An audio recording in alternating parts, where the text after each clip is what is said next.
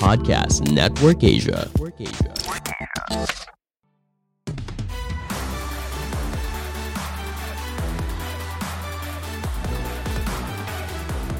Di episode ini, Erwin Parengkuan ngobrol bareng Sari Febriana, seorang figur yang sudah berpengalaman di dunia jurnalistik.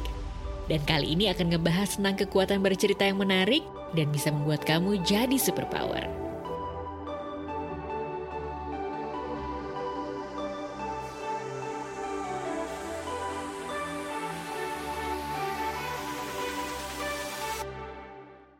Hai teman-teman, selamat sore, selamat siang, selamat malam di mana pun teman-teman berada.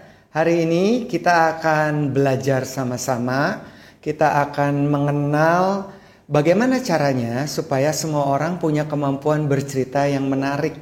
Dan kita tahu dong teman-teman ya, bahwa kemampuan bercerita itu akan membantu kita untuk bisa betul-betul menjadi pribadi yang prima saya akan mengundang teman-teman sekalian ngobrol-ngobrol dengan salah seorang jurnalis yang sudah 20 tahun malang melintang di dunia jurnalistik. Namanya Mbak Sari Febriana. Saya mengenal sosok berikut ini, kecil mungil, cabai rawit. Nah, hai Mbak Sari. Halo Mas Erwin. Apa kabar Mbak? Baik, Alhamdulillah, puji Tuhan. Mbak Sari, thank you banget ya for your time. I know you are very busy. And I'm so lucky to have you untuk bisa ngobrol-ngobrol. Kan Mbak Sari udah punya pengalaman 20 tahun sekitar sebelum masuk ke dunia jurnalistik menulis sebagai seorang penulis, uh, sebagai seorang jurnalis yang khususnya kepada tulisan-tulisan Mbak Sari juga adalah seorang dulu sempat jadi bekerja sebagai jurnalis tapi lebih ke reporting ya di sebuah televisi Jepang di Indonesia. di NHK. Iya, itu 20-an tahun yang lalu ya.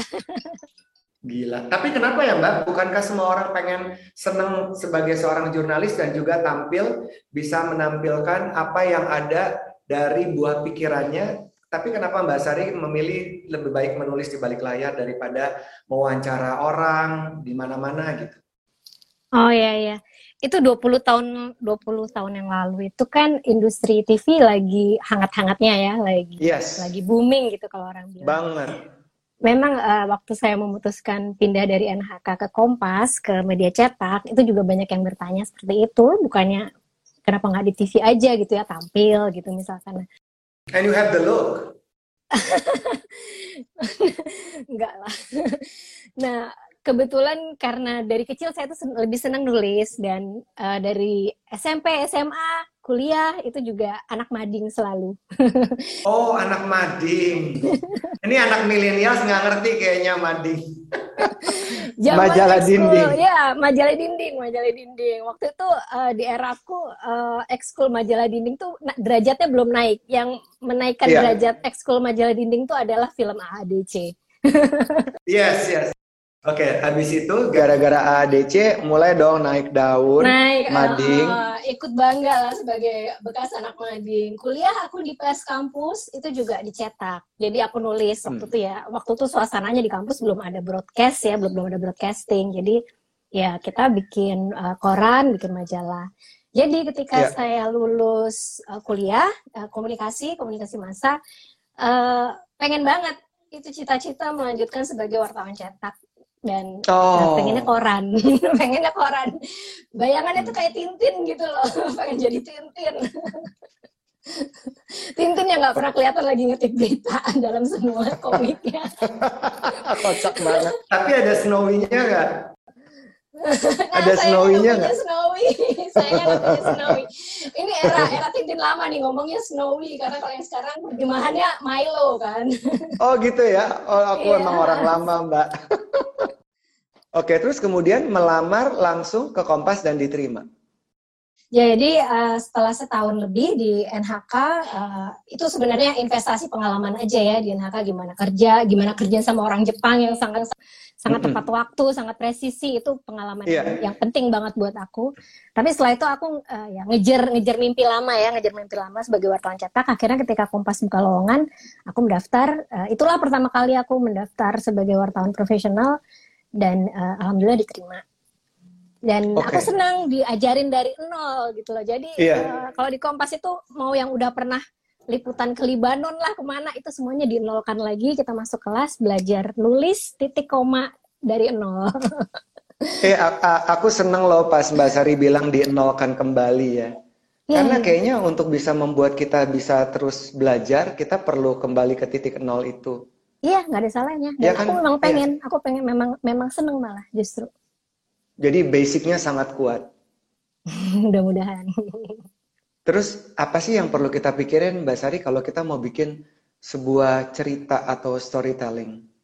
Nah itu itu salah satu yang aku pelajarin dari nol lagi di Kompas itu adalah juga uh, menulis ya walaupun aku anak mading, aku dulu di pers kampus sudah nulis, uh, sering sering apa namanya sering magang juga sebenarnya di beberapa media cetak kecil uh, aku tetap sangat seneng uh, ketika memulai dari nol lagi, belajar dari nol lagi, dan gak masalah buat aku, malah justru aku merasa uh, itu adalah sebuah uh, keberuntungan, sebuah sebuah kesempatan. Nah, uh, selama 20 tahun ini terus ya, kan tahun depan uh, genap 20 tahun aku di Kompas berarti. Dan gak bosen kan? Enggak, enggak. Kelihatan. You're very passionate.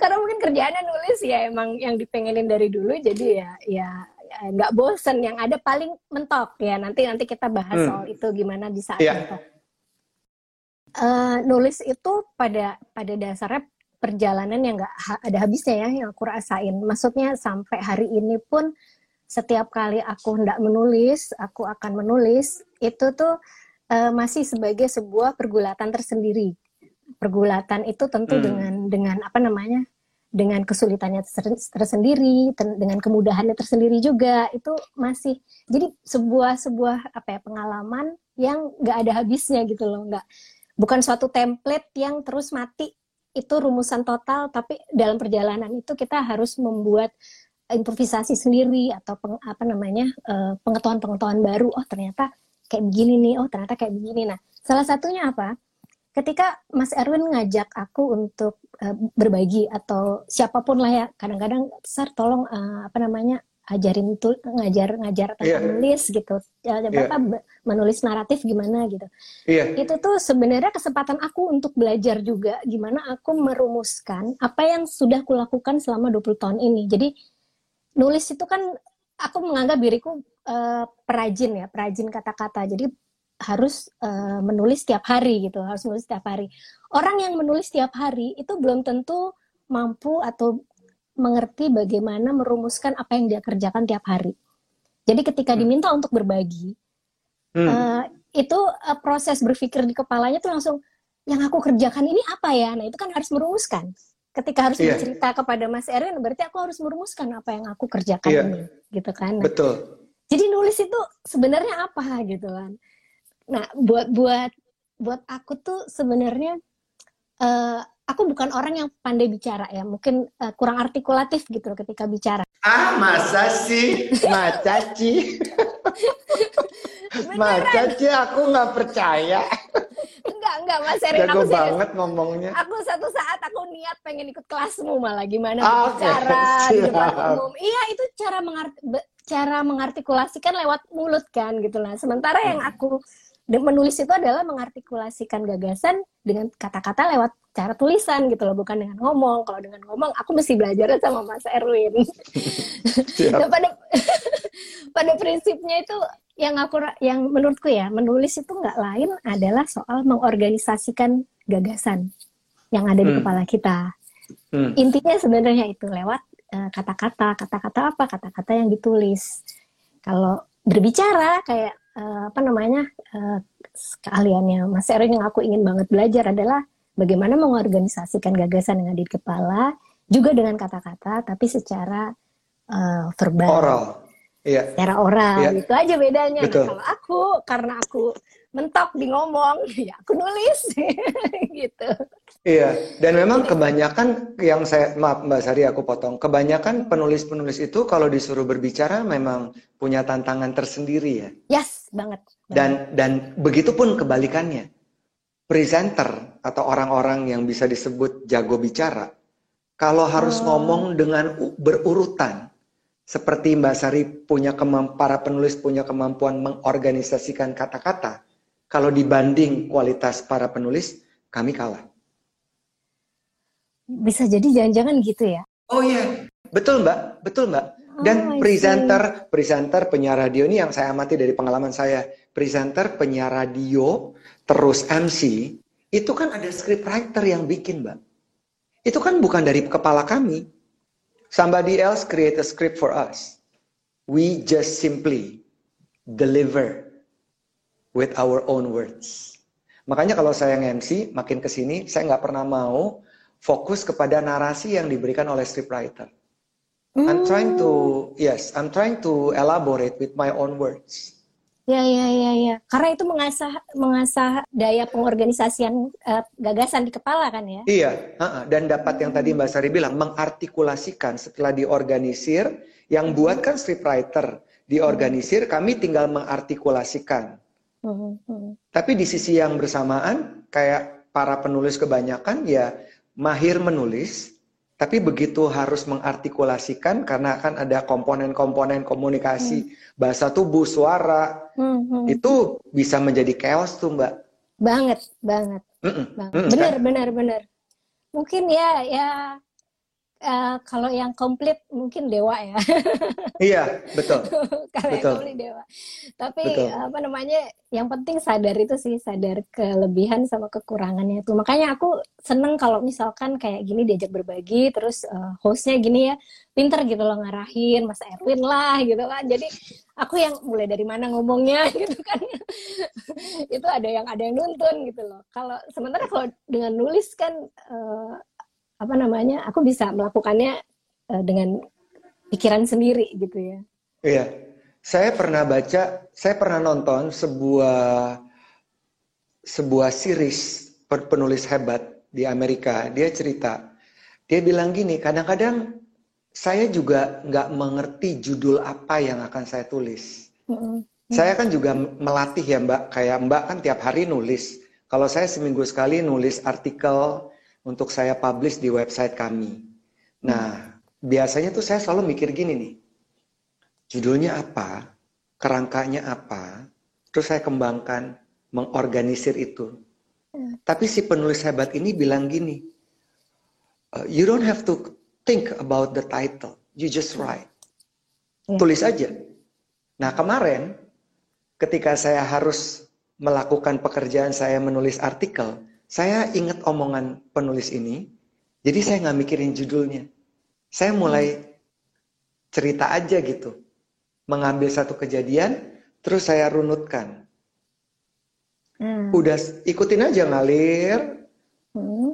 Habis itu saya gini, oh kalau gitu judulnya ini Judulnya aja. ini, oh iya, iya, iya, iya. Itu itu ada ada dalam teori menulis nggak mbak yang kayak gitu? itu nggak ada teorinya sebenarnya. Jadi eh, apa namanya eh, cocok nggak cocoknya atau Hmm. eh, pas nggak pasnya dengan dengan si penulis orang yang melak- me- me- melakoni apa nah aktivitas menulis itu eh, cocok-cocokan ya. Ada yang merasa Hmm. ketika ada suatu peristiwa nih, gue udah tahu nih judulnya apa. Kalau wartawan, wartawan itu biasanya eh, yang tulis apa eh, yang diproduksi kan berita ya. Ada Iya. berita, ada feature gitu ya. Ada eh, nanti yang mungkin akan lebih banyak aku terangkan tuh sebenarnya lebih ke feature. Kalau berita tuh kadang kita sudah tahu nih ini nih lead-nya, istilahnya lead-nya. Hmm. Lead- Lead-nya itu adalah eh, teras berita ya. Teras berita itu sebenarnya pokok pikiran utama dari sebuah peristiwa apa yang mau kita sampaikan. Nah, judul itu biasanya adalah eh, eh, apa namanya pemadatan, pemadatan dari Hmm. eh, Si teras lead- berita. Dari teras berita itu tadi, dari lead-nya itu tadi. Oke. Jadi ada title and subtitle. Semacam Like that. sub- bukan subtitle juga sih ya. Apa sih? Paragraf pertama tuh loh Mas, kalau baca berita koran gitu misalkan atau majalah, Iya. setelah judul ada paragraf pertama. Paragraf pertama itu biasanya kita nyebutnya lead. Oke, paragraf pertama. Paragraf pertama. Ini untuk berita-berita yang hard news, yang straight ya, bukan feature. Hmm. Feature itu kan naratif ya, lebih kayak cerita, bercerita. Itu juga disebutnya lead gitu ya. Itu lebih susah nyarinya ya Allah. Dibanding lead untuk berita. Kalau lead untuk berita itu eh, cenderung pendekatannya kayak 5W1H itu kadang-kadang Iya. kalau aku pulang pulang liputan tuh sambil nyetir gitu ya ke kantor, aku mau ini itu udah kebayang tuh leadnya ini nih di teras beritanya. Kalau udah dapet leadnya itu biasanya terus ke bawahnya itu eh, gampang deh. Apa mau nulis Hmm. apa, kronologisnya bagaimana, Tinggal tinggal dikembangin. dikembangin. Terus kadang-kadang aku juga gitu judul terakhir aja karena kadang kalau di kalau buat wartawan ada yang namanya keterbatasan ruang, apalagi wartawan cetak ya. Jadi kolomnya cuma dua kolom sar nih yang tersedia, lainnya kena iklan gitu kan misalkan. Hmm. Waduh, di situ tuh otak harus mikir gimana bikin judul hanya tiga huruf, eh tiga huruf, tiga tiga kata, Kalimat tiga kata. tiga kata, hanya tiga kata, Iya. misalkan kayak gitu. Nah, eh, apa namanya? Keterbatasan menurut aku ya pada akhirnya keterbatasan itu kan sesuatu yang memaksa ya, memaksa kita. Kita terbatas gitu loh. Justru kondisi terbatas itulah memancing kreativitas sebenarnya. Jadi menulis juga membutuhkan kreativitas gitu Mbak Sari. Eh, sangat. Berapa besar? Berapa besar? Kalau dihitung secara bobot, tadi kemampuan mengorganisir kata-kata is one thing. Mhm. Berarti kosakatanya perlu dipikirin, pengetahuannya perlu dipikirin. Itu one thing kan. Mhm. Terus kreativitas, Kreativitas. berapa persen bobotnya? Sama, 50-50. Eh, enggak sih, enggak, enggak, enggak sampai 50% lah menurut aku. Karena yang Oke. utama tuh sebenarnya eh nalar ya. Jadi Nalar. eh, iya, sebenarnya menulis itu kan mengorganisasi pikiran dan itu it- apa namanya tracknya apa tuh? Eh, sirkuitnya tuh apa? Nalar kan, cara berpikir gitu loh. Iya. Critical thinking. Critical thinking kita menempatkan alur, kita menempatkan apa namanya eh, sebab akibat, Iya. Approach-nya, ah, keberurutannya seperti chronological-nya. Ya, seperti itu. Itu itu menuntut eh, cara berpikir yang jernih gitu ya. Cara berpikir Hmm. yang menjernih melihat sebuah topik, sebuah topik yang akan ditulis. Soal kreativitas itu nanti sebenarnya akan berperan ketika kita misalkan memilih diksi, memilih Hmm. eh, apa sih hal-hal yang eh, lebih ke agak or, agak cenderung ornamental sifatnya dalam tulisan itu. Tapi dagingnya tulisan, dagingnya tulisan untuk per- kalau ini ini yang ngomong eh, wartawan jadi eh, ininya perspektifnya berita ya.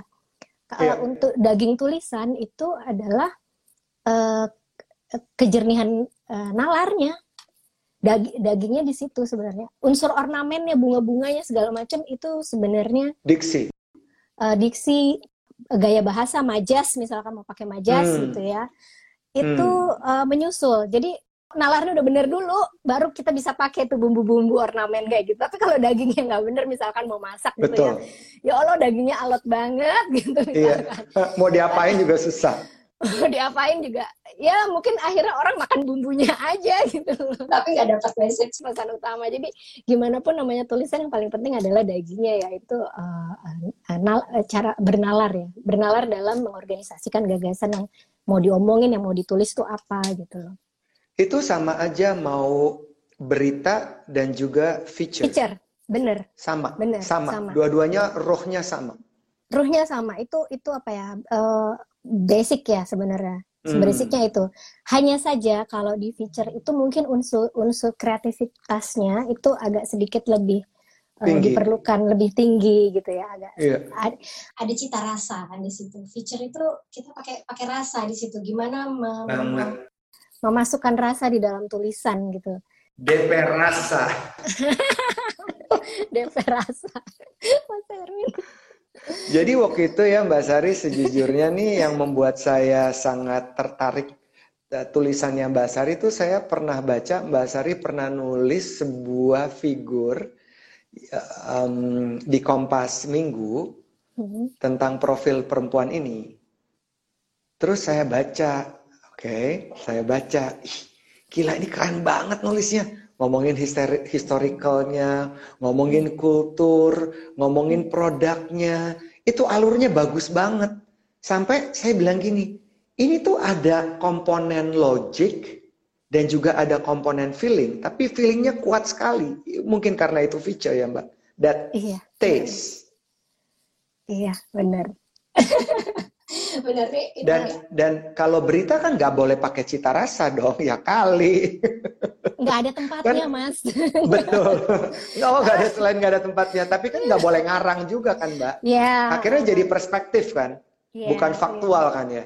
Ya, lebih pendekatannya harus faktual ya kalau apa eh, straight news atau berita keras ya hard news. Iya. Ya penting-penting aja gitu. kita unsur-unsur personalitas di situ nggak ada. Emang cenderung lebih Iya. penting karena orang untuk tahu apa yang terjadi di mana siapa dimauin satu hal itu aja. Iya. Tapi ketika betul. feature, feature itu lebih naratif. Di situlah aku yang seneng banget nulis feature ketika aku di Kompas Minggu. 11 tahun itu aku di Kompas Minggu. 11 tahun sendiri. Di situ yang aku nikmatin adalah aku bisa menulis secara naratif di mana aku bisa menempatkan unsur personalitas. Personalitas itu bukan sekedar subjektivitas pribadi ya, tapi personalitas dari orang yang ditulis misalkan, sosok yang ditulis atau eh, peristiwa yang ditulis atau lokasi atau apa.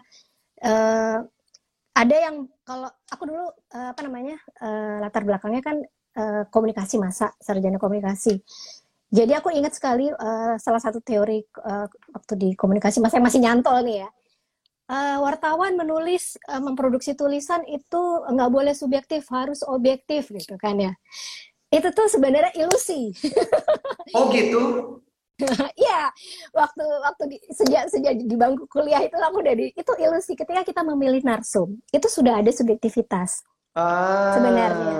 Kenapa Sudah dia nggak dia gitu Kenapa ya? dia nggak dia segala macam tuh ada subjektivitas. Betul, betul. Adalah ada subjektivitas. Jadi Subjektivitas. objektivitas ya harus ada objektivitas, tapi subjektivitas bagaimana seberapa subjektivitas itu masuk Hmm, itu ada ukuran-ukuran atau parameter yang mengujinya sendiri gitu loh. seperti Ya, objektivitas itu juga seperti itu. Objektivitas kalau fakta, kalau fakta bagaimana kita mengujinya supaya dia objektif. Misalkan ada alat ukur namanya misalkan cover both sides. Sering denger ya, cover both sides, cover both sides. Itu kan sebenarnya un- untuk menjaga subjektivitas itu eh, terjaga, terukur. Jadi bagaimana subjektivitas terukur? Mengendalikan Hmm. subjektivitas itu ada ukuran-ukurannya kalau dalam dalam dalam jurnalistik ya. Karena kita nggak Wow. pernah murni untuk objektif 100% tuh no, itu nonsense itu ilusi. hmm, Itu ilusi. Apalagi di feature. Sangat dihalalkan unsur itu. Unsur apa subjektivitas apa ya? Penulis ya, tapi terus nggak terus lantas jadi ngarang gitu loh terus jadi jadi fiksi nggak juga nggak gitu kan gitu loh dan kemudian dia terbang sampai menembus iya langit. jadi Ya kali. novel gitu kan Ra- ranahnya tetap harus yang nyata gitu ya ketika aku menulis sosok misalkan nulis sosok Mbak Jana gitu ya. Itu yang salah satu yang aku ingat misalkan. Eh, pujaan hatimu itu yang membuatku juga terkesima itu. Thank you. itu apa namanya? Aku kan nggak mungkin aku ngarang Mbak Jana apa namanya eh, lahirnya tanggal sekian bulan sekian suka-suka. Aku kan enggak gitu. Aku mesti wawancara dia berdasarkan sesuatu yang faktual tapi gimana aku menginterpretasikan dia dari mataku gitu Nah ya itu, dari itu perspektifku gila Mbak, itu gila banget. I never thought about it. Dan itu keren banget. Dan itu memberikan impact yang besar loh Mbak. I mean Oh, iya. your your your your articles is giving a big impact to her. oh, Thank you. senang Banget. Banget banget. Jadi memang kekuatan kekuatan tulisan itu gila banget kalau dibuat dengan benar, mengorganisir dan juga punya personalitas yang sangat bagus. Itu Hmm. racikannya akan kayak makanan tuh dari dagingnya enak, kualitas terbaik, kemudian bumbu-bumbunya bener, Uh, platingnya bener, presentationnya bener. Itu perfecto, Mbak. gitu ya Nah sekarang gimana kita ngajarin orang nih Mbak yang sekarang nulis juga masih ngaco-ngaco? Gimana mereka punya kemampuan subjektivitas, entah mereka mau menulis hal-hal yang berhubungan dengan berita di WhatsApp, dengan fakta dengan fakta dengan ya. fakta, atau mereka mau bikin features untuk misalnya Hmm. posting di Instagram mereka, di sosial media mereka, itu kan features ya Mbak ya jatuhnya ya? Iya, iya, iya, iya. In- intinya tuh sebenarnya berarti kita ngom yang eh, di di bagian ini kita ngomongin tentang menulis naratif sebenarnya. Menulis yang Oke. bercerita, menulis apa namanya eh, bagaimana menuangkan sesuatu, menuangkan gagasan dengan cara bercerita, dengan cara naratif. Eh, karena kebetulan kita masuknya ke soal tulisan eh, sosok ya, figur, aku pakai contoh itu aja. Hmm. Eh, apa namanya? Apa sih eh, unsur utama dari tulisan narasi, eh, dari narasi ya, dari tulisan naratif? Tentu yang utama adalah topik. Nah, Oke. ketika misalkan apa namanya? Ketika waktu aku wawancara sama Mbak Jana itu udah lama banget ya, kayaknya udah lebih dari 10 tahun yang lalu ya. Cuma Lebih, aku masih lebih. ingat lebih dari 10 tahun yang lalu itu aku, tapi aku masih ingat itu. Eh, eh, apa sosok ini katakanlah Mbak Jana gitu ya. Aku kan nggak deket sekali kan, nggak eh, sangat mengenal baik sosok Mbak Jana. Itu harus aku sadari dulu. Itu aku Mm. sadari gitu kan. Berarti oh aku ini aku menulis sosok orang yang yang aku tidak kenal. Justru kadang-kadang di situ kekuatannya. Ketika kita terlalu Hmm. dekat, terlalu dekat dengan Hmm. orang, terlalu dekat dengan itu bisa justru uh, bias, Bias. dan uh, bukan cuma bias, ini ya tersesat gitu loh. Mau ditulis apa ya? Karena terlalu kenal dengan orang ini. Makanya aku ketika ada teman yang cukup kenal baik, justru sangat kenal, aku menghindari itu. Aku jangan aku yang nulis. Aku mungkin Hmm. nemenin aja wawancara, biar temanku yang nulis. Karena biasanya orang yang enggak. Ini nih tips-tips kecil ya di redaksi ya Iya. kayak dapurnya Iya. redaksi. Biasanya malah kayak gitu. Ada orang-orang tertentu kayak aku malah nggak bisa nulis. Wah, si Ade bilang 2011. Ade, Ada yang nemu, Ade. ada yang nemu. ada yang nemu tulisannya berarti 2011 itu udah. Gokil. Thank you Ade. Ya. Makasih, makasih, makasih.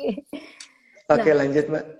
Eh, aku akhirnya kan mesti mesti apa namanya berjarak tapi juga mendekat tapi juga berjarak mendekat tapi berjarak gitu loh ada ada ada ada ruang itu di mana aku eh, mencoba menggali si sosok ini ya kayak Mbak Jana gitu aku pengen tahu eh, satu aspek aja dari dia yang aku ceritakan nggak mungkin aku menceritakan sosok Iya, 100% tentang Jana itu siapa gitu nggak itu sudah Iya. impossible itu ilusi iya. pilihlah satu aspek saja yang menurutku paling eh, captivating gitu ya apa ya menarik buat Ah, aku menarik, menarik. Nah, ah, yang menarik buat berarti kan persepsiku ya tapi gimana Iya. persepsiku ini diuji gitu kan Heeh. Perse- menurut aku menarik. Menariknya gimana? Aku harus punya argumen dong gimana supaya Iya, bahwa betul. yang menurutku men- menarik ini juga bisa menarik buat orang-orang gitu loh ketika dibaca buat orang-orang.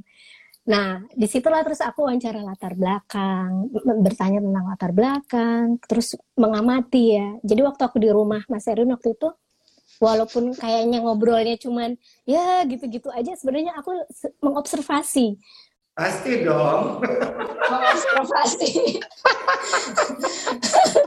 Mau mengobservasi suaminya juga nggak? ya mengobservasi gimana ketika bicara dengan Mas Erwin, gimana ketika dia masak, ketika dia gendong anak, ketika dia apa ya matanya berbinar-binar ketika sampai di eh, toko toko kue kita yang di Sabang itu dulu Iya, iya. kelihatan kan iya. itu ada kilatan di matanya yang Iya. berbeda ketika waktu itu dia di rumah sama waktu dia di toko kue. Iya. Iya. Terus gimana waktu dia cerita tentang keluarga kayak gitu-gitu.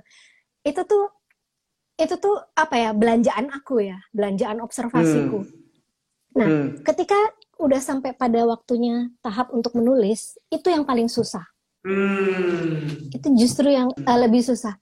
Apa ya nih dari sosok Jana ini yang menarik ya? Mungkin, mungkin karena aku Hmm. juga anak era 90-an. Aku jadi teringat eh, tentang di era 90-an tuh kan tentang eh, eh, Indo-Indo. Indo, iya, itu sebuah era di Indo, mana eh, apa namanya? Era di, Booming. di, di urban ya, terutama di Mm-mm. eh, eh, apa? pop culture kita, pop culture kita. Iya. Nah, itu pop culture kita, kehidupan urban itu tentang entitas Indo itu sesuatu gitu loh. Tapi Iya, aku nggak mau betul. cuman bilang, nggak mau cuman ngomong tentang Indo itu cantik lah atau ganteng Hmm. lah. Aku nggak mau itu gitu loh. Harus Hmm. beyond dari itu gitu kan. Di situlah aku mencari-cari eh, gimana ya. Oh, aku titik kuncinya adalah ketika Mbak Jana cerita tentang orang tuanya yang em, apa namanya ayahnya kalau nggak salah ya. Ayah, Eh, ayah. dikirim ke dikirim ke Praha, Rusia, ke Ceko. Praha, ke Ceko beasiswa kan, sekolah kan. Iya, betul. Da- dan itu adalah kebijakan Soekarno, Mm-mm, betul. ya kan ketika itu. Di Betul, situ, betul. di situ aku langsung tahu ini topiknya. Gitu. Gila. Jadi berangkatnya dari situ. Ini kan belum pernah dibahas orang gitu loh, nggak pernah dibahas. Nggak pernah, orang. Mbak. Gimana terciptanya Indo di Indonesia, ya kan? Gimana Iya. terciptanya Indo di Indonesia? Itu sebenarnya Iya. nggak- bisa bermula dari sebuah keputusan politik pemimpin negara. Iya. Betul, itu, itu gila banget. Padahal lo ngomongin toko kue. Gila banget. Makanya saya pas baca, gila nih gila banget. Padahal aku mau ngomongin kue pavlova kalau nggak salah Yes, situ. yes, yes. Yang diperebutkan sama Soviet. Ya, itu kue Ceko kan, itu kue Eropa Timur gitu loh, tentang Eropa Timur. Dan ketika eh, apa namanya, aku ngomongin tentang hadirnya Indo di Indonesia lewat wajah Jana, Rian Hidayat waktu itu kan, idola aku. oh my god.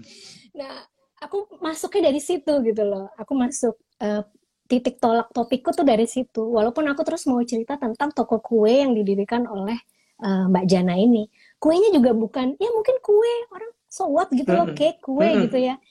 Tapi ini kue yang punya cerita gitu loh. Ini tuh Mm. edible edible story gitu loh. Kuenya tuh edible Hmm. sesuatu sesu, eh, suatu edible story story yang bisa kita nikmati di balik kue itu tuh punya sebu ada sejarah keluarga di situ.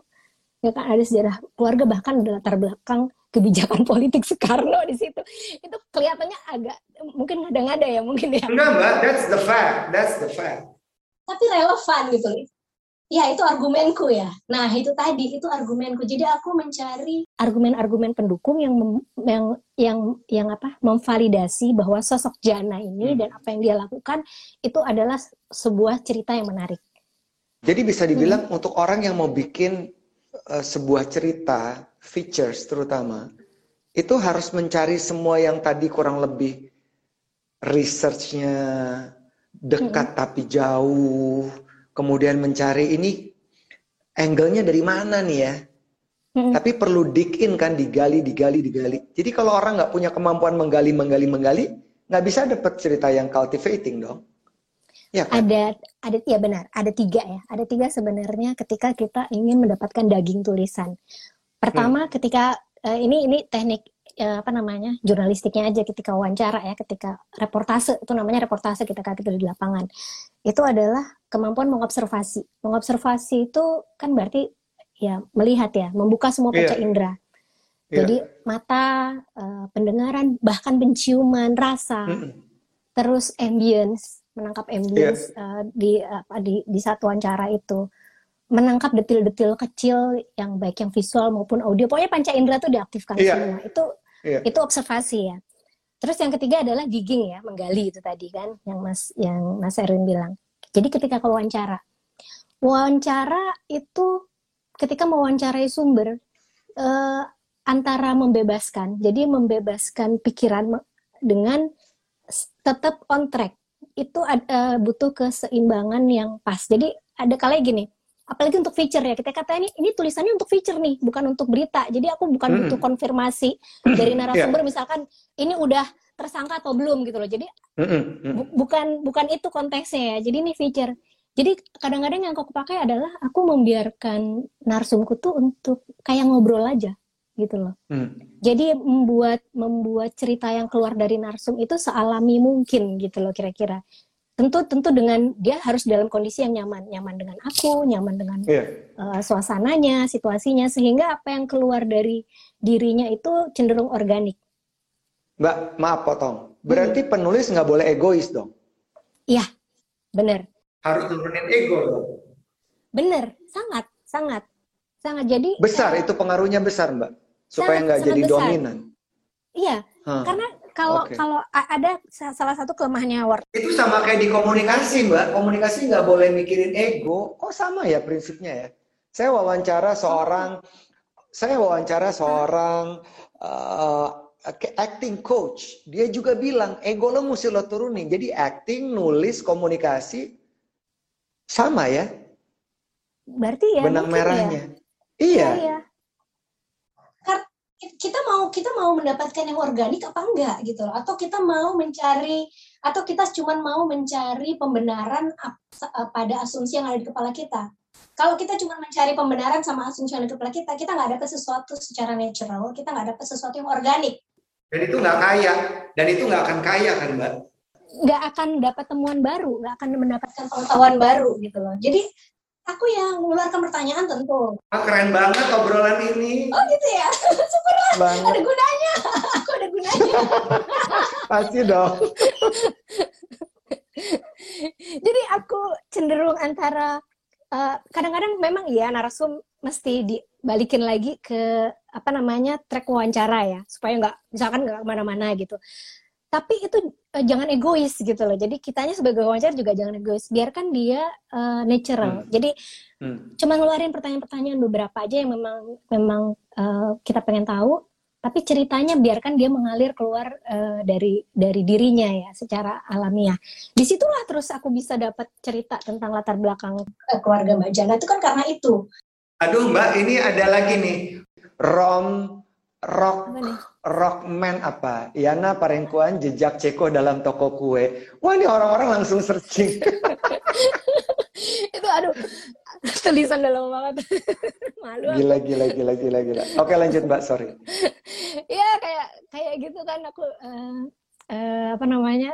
Ketika dapat yang menarik gitu cerita. Oh, oh dulu uh, papa ketemu ketemu hmm. mama di di Ceko kan. Waktu itu papa sekolah hmm. bisa. Oh ya gitu uh, kok hmm. bisa uh, waktu itu gimana gitu kan jadi aku mengikuti kan sebenarnya mengikuti hmm. informasi yang keluar dari Mbak Jana dan aku ikuti gitu loh yeah. karena menurut aku ini menarik dan ini bisa menjadi uh, uh, apa namanya simpul-simpul uh, dalam tulisan yang siapa tahu bermanfaat gitu kan di situ terus Mbak Jana cerita uh, apa namanya uh, iya dulu papa di sekolahin karena kan dulu zaman Soekarno kan pemuda pemuda-pemuda Indonesia banyak dikirim ke luar Di situ aku inget teng, oh iya bener gitu kan.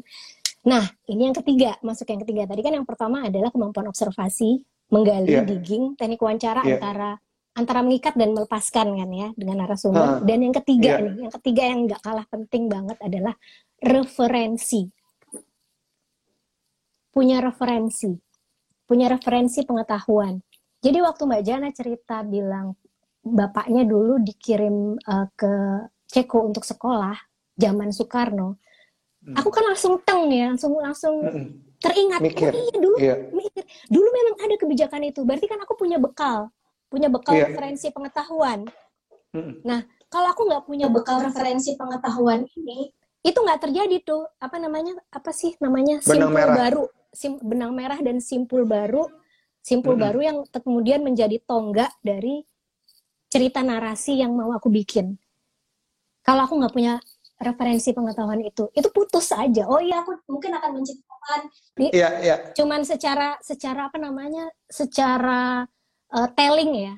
Secara uh, se di dalam tulisan itu mungkin tetap akan aku tulis, tapi itu nggak jadi ruhnya gitu loh. Iya, nggak ada bridgingnya nggak ada bridgingnya dan nggak ada nggak jadi ruhnya nggak jadi ruh tulisan. Iya. hanya cuman informatif sifatnya informatif aja dulu. Ayahnya uh, Jana Parangkuan dikirim uh, ke Ceko sehingga dia bertemu ibunya bla bla bla.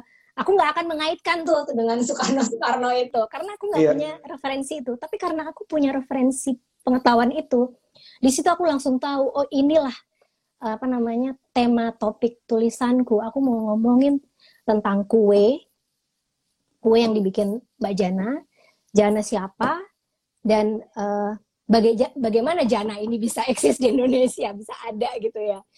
Nah, di situlah jadi satu kesatuan tulisan dari mulai ilustrasi awal, pembuka, daging tulisan, sampai ke penutupnya. Jadi, uh, struktur besar tulisan itu langsung terbayang. Ketika aku hmm. dapat hmm. uh, dapat apa namanya hmm. uh, konektivitas itu tadi antara pengetahuan baru dari ceritanya Mbak Jana dengan referensi yang aku punya. Itu ada, ketemu koneksinya. Di situ aku langsung tahu topiknya. Berarti aku udah tahu kan mau nulis apa? Di situ yeah. langsung kebayang juga struktur besarnya. Struktur besarnya tuh uh, seperti apa? Jadi daging udah dapat nah di situ uh, paling enak hmm. kalau daging tulisan udah dapat baru sekarang tinggal diisi dengan uh, bumbu lah, oh, apalagi namanya, uh, diksi-diksi, ya. plot ya dengan plot gitu loh. Misalkan Mm-mm. gimana pas aku main ke rumah ke rumah Mbak Jana, terus uh, apa namanya keseharian dia, gimana dia uh, bikin kue atau ketika dia cerita tentang kue pavlovanya gimana kayak gitu. Itu udah ibaratnya setengah pekerjaanku udah kelar dan aku sebagai penulis ya wartawan tuh udah bisa udah bisa agak gitu. Karena itu PR yang paling berat ya Mbak. Jadi Iya. untuk bertemu dengan si daging itu ada observasi, ada five Penggalian. senses, ya, five penggalian, senses, digging, penggalian, digging, ya, terus dan ref- reference, punya referensi. punya referensi. Sampai akhirnya bisa menemukan topik dan menentukan alur tinggal masuk ke garnishnya. Yes. Ha-ha. Ber- berarti seorang penulis juga memang harus punya wawasan yang luas ya Mbak. Nah, itu tadi Dan misalnya gini ya Mbak, narasumbernya nggak menarik, apa yang bisa didigging? Iya kan Mbak? Tapi kan maksudnya kan you you are, you have to do it your job. Ada orang yang memang mempunyai kualitas punya cerita yang banyak, ada yang nggak bisa. Nah kalau Iya. misalnya orang punya limitasi, misalnya seseorang saya deh, misalnya saya biasa aja, terus saya mau menampilkan fit saya dengan artikel yang menarik tentang apa yang saya lakukan gitu. What should I do then? Hmm. Itu pentingnya persiapan sebelum ketemu narasumbernya. Jadi background check namanya. Aku biasa melakukan background check. Itu sama kayak di komunikasi, Mbak. Oh gitu juga. Selalu ada background check. Kalau nggak salah arah kan. Iya. Karena kita nggak bisa eh, apa namanya mengkontrol atau mengatur semua narsum kita yang kita temuin, yang kita wawancarai harus sesuai ekspektasi kita enggak. Harus harus siap dengan segala ketidakterdugaan. Tapi namanya sesuatu yang tidak terduga itu juga bisa diantisipasi. Paling nggak 50 persennya ya. Itulah Hmm. fungsinya persiapan atau background check. Background check. Itu itu Oke. penting banget. Mungkin karena aku sebelumnya pernah sudah pernah kenal gitu, pernah tahu Mbak Mbak Mbak Jana, pernah udah kenal juga dengan dirimu. Jadi background check yang aku yang aku lakukan itu sifatnya oh nggak nggak mati-matian, nggak mati-matian hmm. gitu loh. karena aku udah sudah udah antisipasi udah ngukur gitu loh udah ngukur oh mbak Jana cukup artikulatif mas Erwin juga wah ditanya dikit pasti jawabnya banyak lah ceritanya banyak Itu komplimen atau itu komplimen atau apa tuh ditanya dikit langsung jawabnya banyak. Itu enak banget mas buat wartawan Oh iya oke oke enak oke. Thank you. sangat itu sangat enak. Ya jadi chemistry udah ada kayak gitu. Jadi jadi aku background checknya nggak mati-matian. Ada yang memang aku mesti kayak waktu wawancara Nicholas misalkan Nicholas Saputra gitu. Aku nggak kenal. Belum pernah Hmm. ketemu sama sekali misalkan. Dan eh, aku sudah berasumsi eh, susah gitu ya akan apa menggali eh, digging gitu ya katakanlah digging jadi eh, nah itu aku harus persiapan. Aku harus persiapan mem- membaca ya. Pasti Hmm. membaca background check dia apa segala macam dan bagaimana menciptakan ambience wawancara yang nyaman itu juga aku siapkan semua. Dan dan untungnya berjalan sangat lancar. Jadi itu sebenarnya Hmm. cuma trik-trik aja ya dalam wawancara. Dalam persiapan. dalam persiapan dalam persiapan Jadi- untuk kita mencari bahan menulis kan. Iya, jadi kita udah bicara soal berita dan juga features, kita udah bicara tiga bagian penting, kita juga ngomong soal background check. Waktu kan ada perubahan transisi dunia dulu dan sekarang ya Mbak, 20 tahun yang Hmm. lalu ketika ya Mbak Sari masuk ke harian kompas Kompas, itu kan belum era digital. Terus kemudian baru masuk pra digital dan saat ini di era digital. It's a different game, right? To tell some stories. ya Is it? ya ya ya ya A- banget Apa sih Mbak bedanya dulu dan sekarang? Sebelum Ini- kita beri kesempatan teman-teman untuk bertanya, ini ada beberapa yang udah melemparkan pertanyaan. oh ya nanti Mas Erin bacain ya aku kacamata Iya, sip, sip. di mana That is my job. That is my job. apa namanya kacamata nggak nggak pakai kacamata Iya. jadi eh, sangat terasa ya yang nomor satu adalah ruang space Eh, Hmm. yang yang paling terasa ketika eh, nulis dicetak eh, yang apa eh, cetak ya tentunya bukan bukan digital dengan nulis di digital itu adalah ten- isu ruang nomor satu adalah isu ruang dicetak tentu sangat terbatas sangat terbatas dan sementara di digital itu bebas, Bebas. ngablah bebas ngablah ngablah tapi Hmm. ternyata tapi ternyata yang aku rasain eh, sekarang aku bekerja di dua platform itu ya di cetak Mm-mm. maupun di digital tapi Digital. sekarang lebih fokusnya ke digital. Di situ aku jadi belajar banget ternyata soal ruang, soal keterbatasan itu ada positifnya, ada posit. Uh, jadi masing-masing ada positif, ada negatif.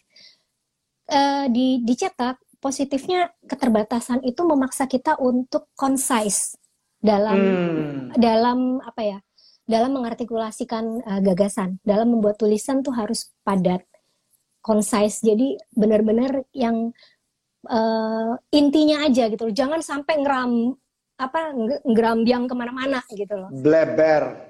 Bleber itu ini sama kayak komunikasi juga loh mbak. Komunikasi itu we're talking about time management. Nah kan? Iya, ada time sama. Kan itu itu sebenarnya ruangnya ruang ruangnya betul. adalah uh, ruang waktu space. ada ruang ada ada ada ada waktu kan? Jadi kan iya iya. harus ada wadahnya nih gitu kan? Harus betul. harus ada wadahnya. Nah ketika aku pindah ke di digital wah enak nih gila hajar bleh nulis semua yang aku mm. pengen dimuntain semua gitu kan dimuntain semua ternyata itu juga tidak tepat karena apa jenuh ada hmm. uh, daya daya serap pembaca yang terbatas karena yeah. itu iya. bisa terukur sekarang. Misalkan tulisan ini sekarang kan bisa semuanya diukur ya. Tulisan tulisanku yang judulnya ABC ini misalkan itu kelihatan pembaca rata-rata uh, kalau dibaca normal sebenarnya 6 menit, 6 menit. Tapi kalau uh, keterbacaannya misalkan oh yang baca banyak, tapi kok rata-rata keterbacaannya cuma satu menit, berarti orang nggak membaca hmm. sampai selesai. Hmm. Hmm. Limited ya kan? attention spending. Ya, jangan salahin juga pembacanya menurutku gitu kan hmm. yang hmm. berarti walaupun ruang ruangnya terbebas kita mau nulis berapa banyak pun nggak ada space yang eh, nggak uh, ada space constraint gitu ya nggak ada nggak ada uh, pembatas seperti di uh, koran tapi harus consider juga uh, apa namanya uh, attention span-nya pembaca jadi uh, daya hmm. daya daya tahan pembaca ketika uh, membaca tuh aduh please deh jangan lewat dari 6 menit atau paling nggak baca 5 menit kayak gitu itu harus hmm. dipertimbangkan. Hmm. Karena ternyata itu aku baca ya uh, riset uh, kemampuan orang membaca digital dan membaca cetak itu berbeda. Membaca digital itu uh, kedalaman orang, kedalaman daya pikirnya itu cenderung dangkal. Sementara iya, ketika betul. membaca cetak itu uh, orang cenderung bisa berpikir lebih dalam. Karena makanya itu kenapa menurut aku membaca cetak buku cetak hari hmm. ini makin penting. relevan, makin iya, relevan. sangat penting. Karena yes. pixel ya paparan pixel yeah. otak ketika memindai yeah. pixel dengan memindai cetak yang beneran cetak itu beda yeah. daya, daya kerjanya. Jadi kita Betul. kalau mau melatih otak kita tetap bisa berpikir dalam, bacalah tetap buku cetak ternyata. Betul, Mbak. Jadi kalau kayak gitu tadi kan jadi beda ya dulu dan sekarang. Mm -mm. Terus walaupun kita di timeline kita bisa bebas nulis, hmm Tapi kita juga perlu mikirin attention span orang mm-hmm. supaya message kita nyampe. Nyampe, iya. Jadi ada perbedaan pra digital dan digital ya, Mbak? Iya, di ruang kita harus hati-hati sama ruang ketika nulis hmm. digital. Jangan dibombardir hajar kepanjangan juga yeah. ternyata ternyata nggak nggak efektif ya. Itu yeah. uh, satu hal ya. Yang hal yang lainnya adalah uh, ketika dicetak foto misalkan ya itu terbatas hanya bisa pasang satu dua uh, dua foto tapi ketika digital memang bisa pasang uh, mm-hmm. lebih lebih banyak hal-hal yang kayak gitu jadi uh, apa namanya uh, yang positifnya di situ cuman ini ini baru belakangan yang aku rasain judul judul uh, karena cetak tadi hanya terbatas kita harus kreatif banget misalkan hanya membuat judul uh, tiga kata atau dua kata bahkan tapi itu ternyata bukan kekurangan. Kayak gimana sih mbak judul dua kata gimana gue, aduh susah banget ya judul dua kata. Bisa, bisa. Contoh uh, apa mbak? Judul dua kata. Ini uh, kompas-kompas minggu itu sejak hmm. redesign, sejak uh, desainnya apa namanya korannya menjadi lebih sempit. Kalau perhatikan ya, kalau Mas Anu perhatikan itu judul tuh paling tiga empat kata aja. Ada bahkan kadang-kadang uh, uh, dua kata dua kata aja bunyi. Biasanya itu hanya sebatas subjek predikat. Hmm. Subjek uh, subjek predikat. Jadi memang tidak menjelaskan tidak menjelaskan kalau misalkan naratif. kayak baca ah, tidak naratif, judul tidak naratif. Tapi itu kekuatannya justru karena dia menjadi ah. asosiatif. Ah. Ketika dia menjadi asosiatif gitu loh. Hmm. Hmm, hmm, hmm. Misalkan Oke. tiga kata nih ya. Misalkan tiga kata aku contohin waktu aku nulis eh, Nik- Nicholas, Nik, Nik- eh, Nicholas Saputra ya, Nicholas Saputra. Eh, sosok Nicholas itu kan eh, yang kental dari dia, yang diasumsikan adalah misterinya ya, misterius gitu kan. Nah, aku di situ menggunakan eh, judul Nico Sang Enigma. Enigma itu kan Hmm. tahu ya, enigma itu sesuatu yang misterius ya, noun itu kan. Jadi Mm-mm. hanya hanya subjek Hmm. eh, predikatnya ya enigma. Nico sang enigma. Itu kan tidak menjelaskan narasi tentang Nikonya Iya. ya, tapi Iya, mencuplik, iya. mencuplik sedikit dia menciptakan sebuah asosiasi sehingga orang eh, harapanku tertarik untuk membaca eh, lebih lanjut Gila. Kayak gitu. Jadi I- i- itu kan juga perlu skill tapi kan Mbak, sampai milih subjek predikatnya yang bener sampai membuat orang curious. ya dia dia kelebihannya cetak malah kadang-kadang justru itu. Nah, ketika aku di digital itu ada tuntutan. Eh, Hmm. Karena kita Kompas ID ini bukan bukan eh, subscription base, jadi harus langganan. Jadi eh, kita tuh bukan konten-konten clickbait sama sekali. Karena kita kan harus langganan ya, bukan bukan yang yang apa yang gratis itu loh yang mancing Mm-mm. orang untuk mencet, Mm-mm. mancing orang tuh bukan clickbait ya. Mm-mm. Tapi judul-judul yang dibuat itu harus eh, cenderung eh, apa namanya selaras dengan SEO apa search engine Oh, iya. search engine uh, optimization ya. Yes, Nah, optimization. Hmm, jadi, itu kan uh, penting ya, itu kan demand. Demand. SEO. Ah, nah itu uh, ada sisi ininya, tapi juga ada downside-nya buat aku yang seneng seneng membuat judul-judul yang agak asosiatif itu jadinya. Kenapa sih mesti ngikutin? Kenapa sih mesti ngikutin SEO gitu? Ibaratnya gitu kan gemes Iya, juga ya Mbak. Kadang-kadang gitu. Jadi kayak misalkan terakhir tuh aku nulis tentang uh, penggerebekan Nurdin M Top ya pengalamanku di balik berita. Itu sebenarnya kalau aku senangnya tuh judulnya hanya saya Nurdin. Cukup, that's it. Gitu loh. Tapi Hmm. karena harus SEO, Iya, iya. ada aku nambah penjelasan di bawahnya. Top. Saya Nurdin, uh, apa namanya? uh, pengalaman pahit jurnalisme sensasi. Nah, itu ininya lah penjelasnya. Jadi agak seperti Oke. preaching tuh aku sebenarnya kurang suka. Hmm. Tapi itu Mbak- eh, dari sisi judul ya. Mbak, Beda- kalau beda jadi berarti ya tempatnya beda, kebebasannya juga beda, Iya, iya. Ya kan ya Mbak. Nah, Mm-mm. kalau kita mau nulis di Instagram, di LinkedIn, di sosial media kita, kalau tadi kan Mbak bilang kalau berita atau feature mesti ada lead-nya. Jadi di paragraf pertama tuh adalah lead. Soalnya Iya, kalau saya ngeliat Instagramnya Mbak Sari tuh enak banget dibaca depannya gini, gue baca ya semua. Kadang-kadang ada temen yang posting panjang kali lebar gini. Aduh, males banget baca sampai ke bawah kepanjangan gitu. Itu gimana sih tipsnya Mbak? That lead itu? Iya, kebiasaan bikin lead sih sebenarnya. Jadi lead lead itu tuh eh, banyak sebenarnya teknik-teknik lead dalam menulis feature ya. Eh, ada juga banyak buku-bukunya soal itu. Mungkin karena sering, karena sering terlatih, eh, jadi eh, Hmm. ini, ini, ini belajar nih aku nih, gimana caranya me- merumuskan ya. Jadi- Mengartikulasikan. Iya, mengartikan, mengartikan sesuatu yang yang jadi pekerjaan sehari-hari. Eh, yang paling sederhana misalkan dari ses- suatu gagasan topik, misalkan topik udah tahu nih mau ngomongin apa gitu ya. Eh, paling enak tuh ditulis pakai lead apa ya? Paling paling Hmm. paling menarik gitu ya, paling menarik, paling pas ditulis pakai lead apa? Misalkan, oh ternyata paling cocok deskripsinya gitu loh. Ya, berarti kita pakai Hmm. gaya pendekatan yang deskriptif di lead-nya itu atau eh, dari obrolan dengan si ini si eh, Nico misalkan eh, itu yang paling menarik tuh sebenarnya ada quote dia bagus banget. Berarti kita Hmm. pakai lead kutipan. itu. Ha-ha, kutipan itulah yang kita Ah. taruh. Jadi tergantung ininya eh, daya daya gedornya tuh mana yang kuat gitu loh. Ah, Bukan bukan kayak nulis eh, dear diary gitu kan. iya, iya, iya. Kalau iya. dear diary kan hanya kita aja yang baca ya. Jadi eh, Iya, chronolo- chronological aja tapi iya. dari sebuah gagasan dari sebuah peristiwa atau gagasan tuh eh, bagian apa yang paling kira-kira menarik di situlah yang ditaruh di lead pendekatannya entah deskriptif entah eh, Hmm, chronological. ah, atau chronological atau eh, bisa juga kutipan Mm-mm. Dan itu yang catch people attention kan Mbak untuk masuk ke dalam narasi Iya, itu- kita kan. itu kayak kail gitu ya kayak jangkar Iya. gitu loh jangkar Iya. yang dilempar pertama gitu loh Iya. nanti Iya. soal orang tuh mau nyebrang atau enggak itu kan tergantung Mm-mm. loh Mm-mm. Iya. Oke, Mbak Sari, kita harus jawab beberapa pertanyaan. Oke. Oke, siap. Saya akan scroll up dulu ke atas. Ada beberapa yang bertanya. Hmm. Sebentar ya Mbak, ini banyak banget nih yang. Astaga, Indra ngapain lo temen gue. Wartawan. Nah, eh, wait, wait, wait, wait. Tadi ada, aduh.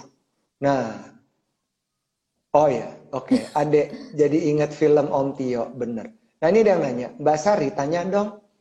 Ini dari Tanto ya. Nanya dong, apakah clickbait header itu juga bukti dari sebuah kreativitas? Iya, itu kreativitas sih, cuman nggak non ethical ya. Non ethical. Tuh, Iya. Tanto lo ingat tuh non ethical gila. Boleh dijelasin Kreatif, Mbak? Pasti, pastilah kreatif lah gimana caranya menjebak orang kok gitu kan. Ah, ah, Oke. Nah, Dan- itu bedanya mungkin eh, Itu terlalu marketing ya Mbak? Iya, eh, kayak karena karena eh, wartawan gitu ya. Kalau wartawan yang benar gitu ya, wartawan saya seorang wartawan eh, berusaha menjadi wartawan yang benar gitu ya. Itu gimana pun dalam setiap langkahnya, dalam setiap tindakannya, dalam setiap tulisannya, dalam wawancara itu yang selalu harus bergaung terus di kepalanya dia adalah apakah ini etis apa tidak etis. Hmm. itu, itu panduan. Nalar ya, nalar. Nalar dan ya eh, Kredibilitas. kredibilitas kan yang dipertaruhkan adalah kredibilitas dan integritas kan apalagi ada nama Betul. di situ ada nama penulisnya malu Iya. dong gitu Bener. Oke, ini ada Baby Miranti. Sari memang ahlinya dalam meramu kata-kata dan cerita. Konsep-konsep apa pun disajikan dalam narasi yang indah. Baca Aduh, tulisan Sari selalu jadi pengalaman intelektual yang dahsyat. Oh, tapi bener dong. Saya juga mengakuinya sangat. Dan makasih mbak baby Untuk teman-teman yang mau bertanya ke Mbak Sari, silakan langsung aja chat ya. Ini ada nih, Mungpinggah, Mungpinggah, Mungpinggah. Bagaimana cara untuk bisa anaknya belajar? Hah? Anaknya belajar nulis maksudnya. Ini kalimatnya terputus. Memotivasi anak untuk mau belajar menulis dan bercerita mungkin ya. oh oh Iya. anak Mungkin. Eh, Iya. Kan dirimu nih. juga ah, aku nggak aku nggak tahu ya mungkin tiap anak treatnya bisa beda-beda ya apa namanya Iya. cara menyikapinya beda-beda kalau misalkan dengan dengan anakku gitu ya biasanya aku minta eh, ditulisin surat gitu loh Oh, surat.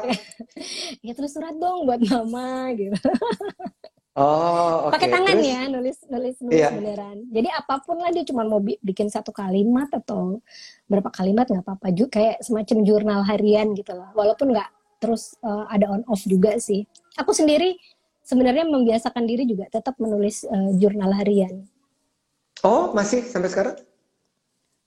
Itu kebiasaan dari kecil Oh, kalau nulis berapa kata, Mbak? Sampai 300 kata?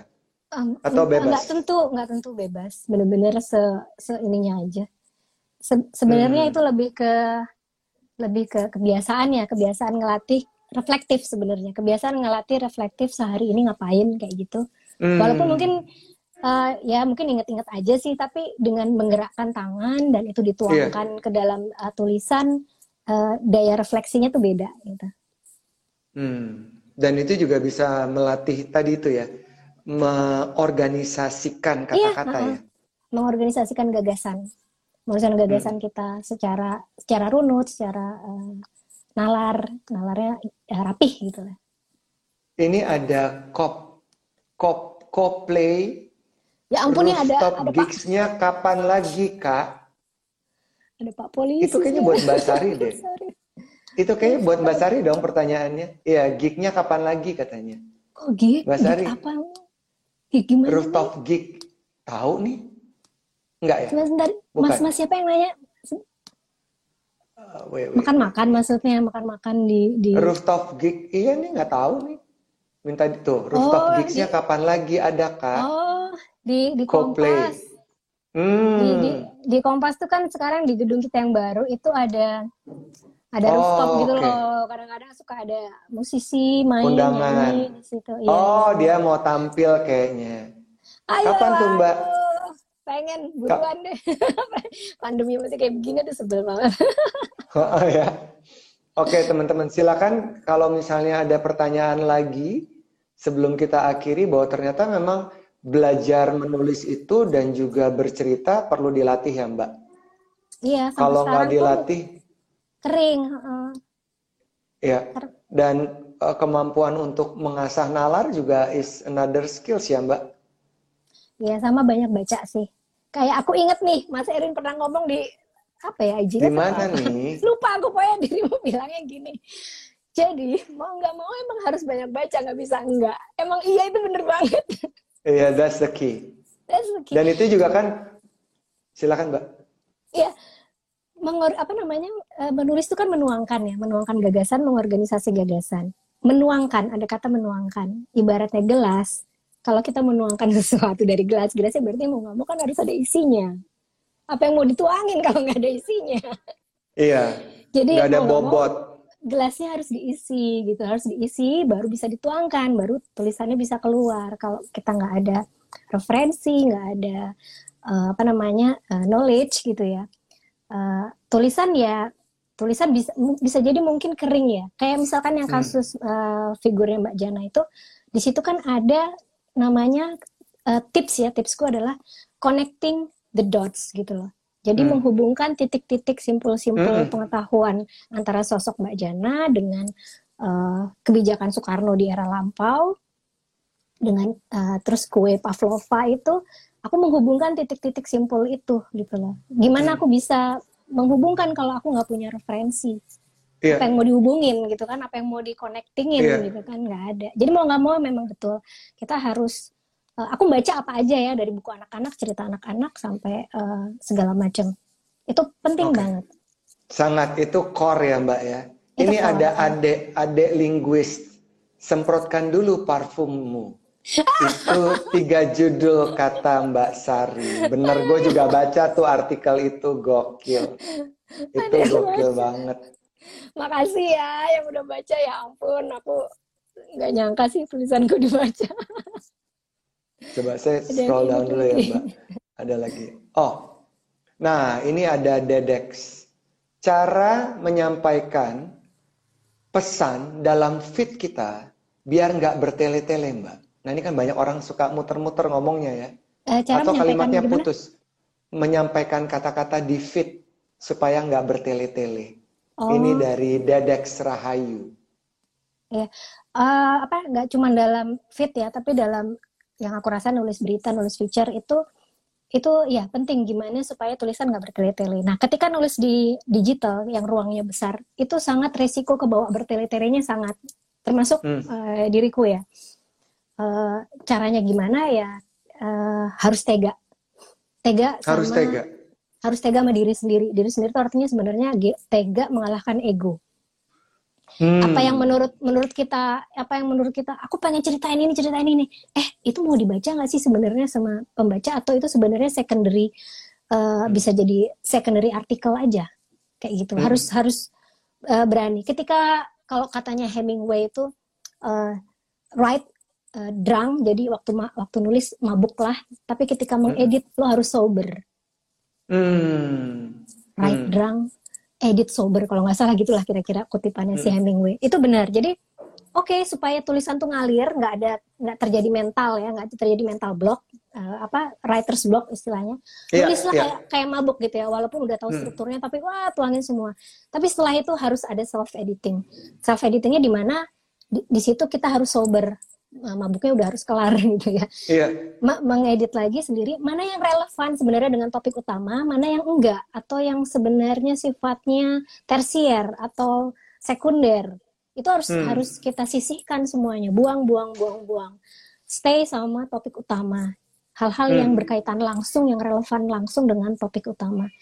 Eh, di luar itu harus ngalah, harus ngalah dibikin menjadi misalkan postingan baru lah atau Hmm. artikel artikel sekunder yang nanti tinggal hyperlinknya dimasukkan ke tulisan utama harus Hmm. harus itu harus menekan Kreatif. ego menekan ego ya Iya. Heeh, kreatif dan menekan ego Mbak, em, kalau saya nulis artikel di website kantor, saya tuh kurang lebih ya Mbak, itu 4, 3 sampai 4 kali ngedit.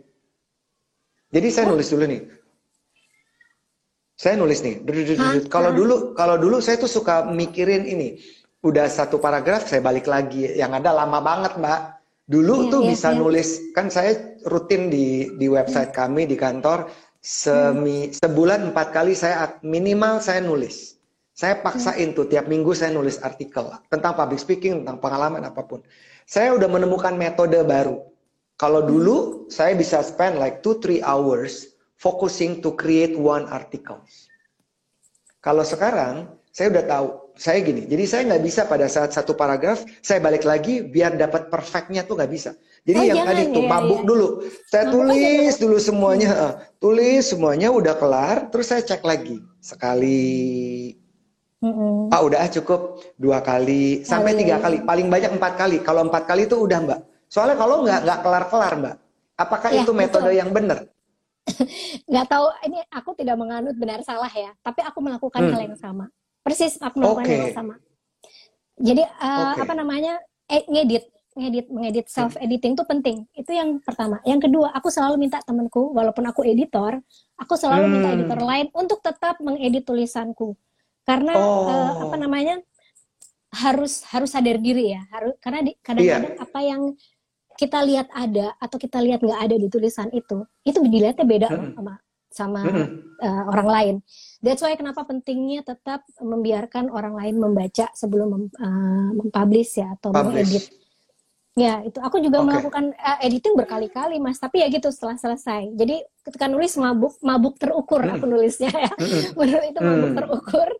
Mabuk terukur, eh, mabuk maksudnya terukur karena kita udah tahu strukturnya apa, temanya apa, Iya. tapi mabuk gitu ya, mabuk terukur. Tapi setelah itu aku harus sober, aku harus ngedit, self editing dan berani membuang hal-hal yang tidak relevan.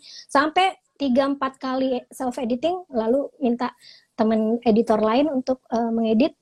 Setelah itu kalau di Kompas masih diedit lagi sama penyunting bahasa, dicek lagi sama Oke. penyunting bahasa. Dan Terakhir pertanyaan senang. terakhir. Ya ini bagus sekali dari Pauli Artina. Yang dimaksud dengan menurunkan ego dalam menulis dan komunikasi contohnya seperti apa? Nah berarti ini Mbak Sari jawab dulu deh. Yang dimaksud dengan Iya, menurunkan eh, ego. Tadi Mbak Sari udah highlight ya. Ya, apa namanya? Seperti tadi ya, waktu waktu apa namanya yang tadi aku jelasin tentang self editing itu, itu sudah salah satu bagian dari eh, menurunkan ego. Soal ego ego penulis lainnya adalah gini, yang sering kita bisa miss bahkan eh, udah puluhan tahun menulis bisa tetap terjadi adalah kita ber- ketika kita menulis, menuliskan menuangkan gagasan, kita berpikir orang lain sudah tahu apa yang mau kita Hmm. omongin gitu loh. Jadi Hmm. sudah berasumsi Hmm. orang lain pasti ngerti kok ini gitu loh. Atau orang lain nggak ngerti nih. Orang lain tuh nggak ngerti, yang paling ngerti cuman gue gitu loh. Yang terjadi Ih, adalah ya. apa? Iya. Jadi harus mencari keseimbangan di antara eh, dua itu, antara jangan berasumsi orang lain pasti ngerti apa yang ada di kepala kita atau orang lain nggak ngerti apa-apa kita yang paling tahu. Jadi dua hal itu Ngeri yang dicari keseimbangannya. Karena apa nanti? Ketika kita berasumsi, ah orang udah ngerti, udah bisa baca kepala gue gitu ya. Hmm. Tulisanmu tuh, tulisan kita tuh menjadi foggy, apa sih? Foggy, eh, berkabut, Hmm. Halu. jelas gitu Oh. loh. Halu segala macam. Tapi kalau ketika kita menganggap semua orang eh, nggak ngerti, nggak ngerti, benar-benar nggak ngerti, lebih bodoh gitu ibarat dari kita, tulisan kita jadi preaching, berkhutbah. Mm-mm, bener. Dan- Ih, sebel ya. Itu menjemukan. Sotoy. Ya, Ih, males itu, banget. itu akan menjemukan. Kayak dia paling bener gitu, Mbak. kayak dia yang paling ngerti sendiri gitu kan. Heeh. Jadi mencari keseimbangan di antara dua itu eh, penulis eh, itu tadi harus mengelola egonya gitu loh. Harus mengo- apa? memeriksa lagi gitu ya, memeriksa lagi. Itu itu pentingnya nanti pas di self editing kita ngeliat, ih kok gue ini banget sih eh, preaching banget di sini gitu. Atau di sini ini apa sih maksudnya nih? Ih, Kan yang ngerti Iya. gue gitu loh. Orang lain gak ada Iya. peristiwa itu. Berarti aku harus menjelaskan sedikit lebih detail misalkan. Iya.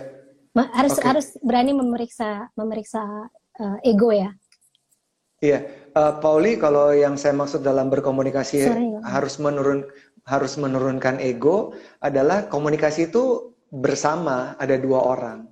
Jadi kalau satu orang hanya merasa yang tadi dalam tulisan merasa paling benar, orang lain lawan bicara kita merasa terintimidasi dan tidak akan terjadi sebuah harmoni karena komunikasi itu kualitasnya adalah bersama. Ada yang ngomong, ada yang dengerin. Dan ini komunikasi artinya Hmm. adalah building relationship. So it's not about you, it's about them. Sama seperti tulisan kan, benefit apa yang kita mau Hmm. berikan kepada pembaca kita. Bahwa yang kita tahu belum tentu yang kita tahu. Kamu coba cek deh jauh hari window. Itu ada sebuah teori yang sangat bagus untuk menentukan di mana titik ego kita kita letakkan baik kita dalam menulis termasuk dalam berkomunikasi. Hmm. Mbak Sari, Oh, gitu. thank you banget. Sama-sama, Thank- Mas. Thank you banget Mbak Sari. Aku seneng banget bisa ngobrol dalam banget sama Mbak Sari. Maybe next time kita perlu terusin lagi. Boleh, You are so boleh. Aku apa namanya? Makasih juga sama Mas Erwin karena eh, apa ya? Sama-sama. Dikasih kesempatan untuk berbagi dan berguna. Oh iya, ini keren sekali. Ini daging semuanya. Dan bisa Mudah-mudahan. memberikan guidelines kepada teman-teman sekalian mulai sekarang. Turunin ego dalam menulis dan juga tadi ya, pikirkan sebuah observasi dan juga mengikat melepaskan, menaikkan lima senses kita dan juga punya Hmm. referensi. Terus tadi ada lead-nya apa yang mau ditulis, terus observasi yang dalam dan lihat dari perspektif mana dan kita mulai melatih tiap hari. ya, Pasti keren. insya Allah, mudah-mudahan. Thank you Mbak Sari, sehat selalu, salam Sama-sama. buat keluarga. Salam buat Mbak Bye-bye. Jana dan Yes. anak-anak. Ya, thank you teman-teman, thank you for listening us. Semuanya, makasih di sini. Bye bye Mbak. Bye. Pandangan dan opini yang disampaikan oleh kreator podcast, host, dan tamu tidak mencerminkan kebijakan resmi dan bagian dari podcast Network Asia. Setiap konten yang disampaikan mereka di dalam podcast adalah opini mereka sendiri dan tidak bermaksud untuk merugikan agama, grup etnik, perkumpulan, organisasi, perusahaan, perorangan, atau siapa pun dan apa pun.